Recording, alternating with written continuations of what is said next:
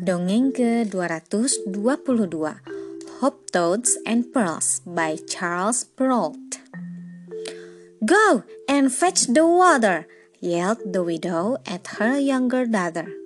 You can finish that sweeping letter and hurry back with it.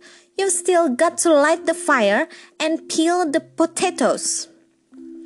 The poor girl hurried to rest her broom in the corner and wipe her dusty hands on her tattered apron. She never grumbled about being treated like a slave because she was good and kind and couldn't think badly about anybody. But how she wished that her mother and his, her sister might help her out with all the housework now and again. As the exhausted girl stumbled out to the well with the bucket, the widow's elder daughter looked up from her comfy chair and smirked. Fanchon was like her mother in every way. How she looked, very ugly. How she spoke, sharp and nasty. And how she acted, selfish and lazy. This was the reason why her mother adored her so. Whenever she looked at Fanchon, she saw herself. The widow's younger daughter reached the well and heaved up a heavy, full bucket. Suddenly, she noticed that an old beggar woman had joined her. The toothless crone wheezed, My dear, I am hoarse with thirst. Could you spare me a little drink? Of course, the girl said, and hurried to unhook the dripping bucket and help the beggar woman to a ladleful. Little did the younger daughter know that the hag who stood in front of her was actually a powerful fairy who had disguised herself to put the girl to the test. The younger daughter kindly helped the beggar woman to another ladleful of water and chatted politely to her for a while before hauling the bucket back home. How the girl's mother and her sister yelled and screamed and swore at her for taking so long at the well.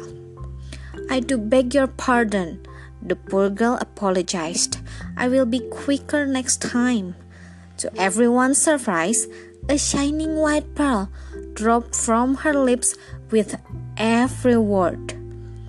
The stunned widow woman picked up a pearl from the floor beat it hard between her teeth, and held it up to the light to examine it. They are real, she exclaimed with a greedy twinkle in her eye. What on earth happened at the well this evening? Tell me everything, or I'll lock you in the coal cellar all weekend. The younger daughter was just as amazed as her mother and sister and truthfully told them that she had done nothing but give a drink to a woman she'd met at the well. Pearls continued to drop from her lips as she spoke, and as fast as they fell, the widow scooped them up greedily into her pockets. Did you hear that, Fanchon? she screeched. Get yourself down to that well immediately. Get lost, the rude girl snorted. I'm not fetching and carrying like a slave for anything. I said go! The widow roared, cuffing the horrified Fanchon around the head. Find that woman and give her a drink, whether she wants one or not. We are going to be rich, rich, rich! Fanchon sulked and pouted, grumbled and cursed with every step that she lugged the splintery bucket and it was only fear of her mother's temper that made her do it at all. She flung the bucket angrily into the well and moaned and groaned to herself with every wind as she pulled it back up. No sooner had she finished than she noticed she had been joined by an elegant young woman dressed in fine robes. It was the fairy, disguised as a princess. Good evening, the princess said politely. Would you be so good as to allow me a drink? Oh, it's you, is it? Fanchon sneered.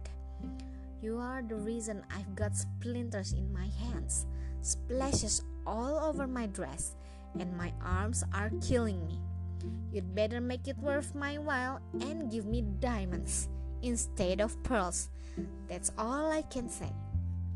With that, Fanchon angrily flung the wooden ladle at the princess and dumped the bucket at her feet. Go on then, she snapped. No sooner had the princess taken one sip than the Fanchon snatched the ladle back and humped the bucket back to the house. There! she yelled at her mother. Happy now? To everyone's horror, three great hop toads leapt from her lips and sprang across the floor, croaking. Fanchon clapped her hands over her mouth in alarm. Whatever's happened? cried the widow. Where are the pearls? I don't know, wailed Fanchon, and three more hop toads bounced, bulging eyed from her mouth. She began to scream and stamp her feet. This is all your fault, you ungrateful wretch!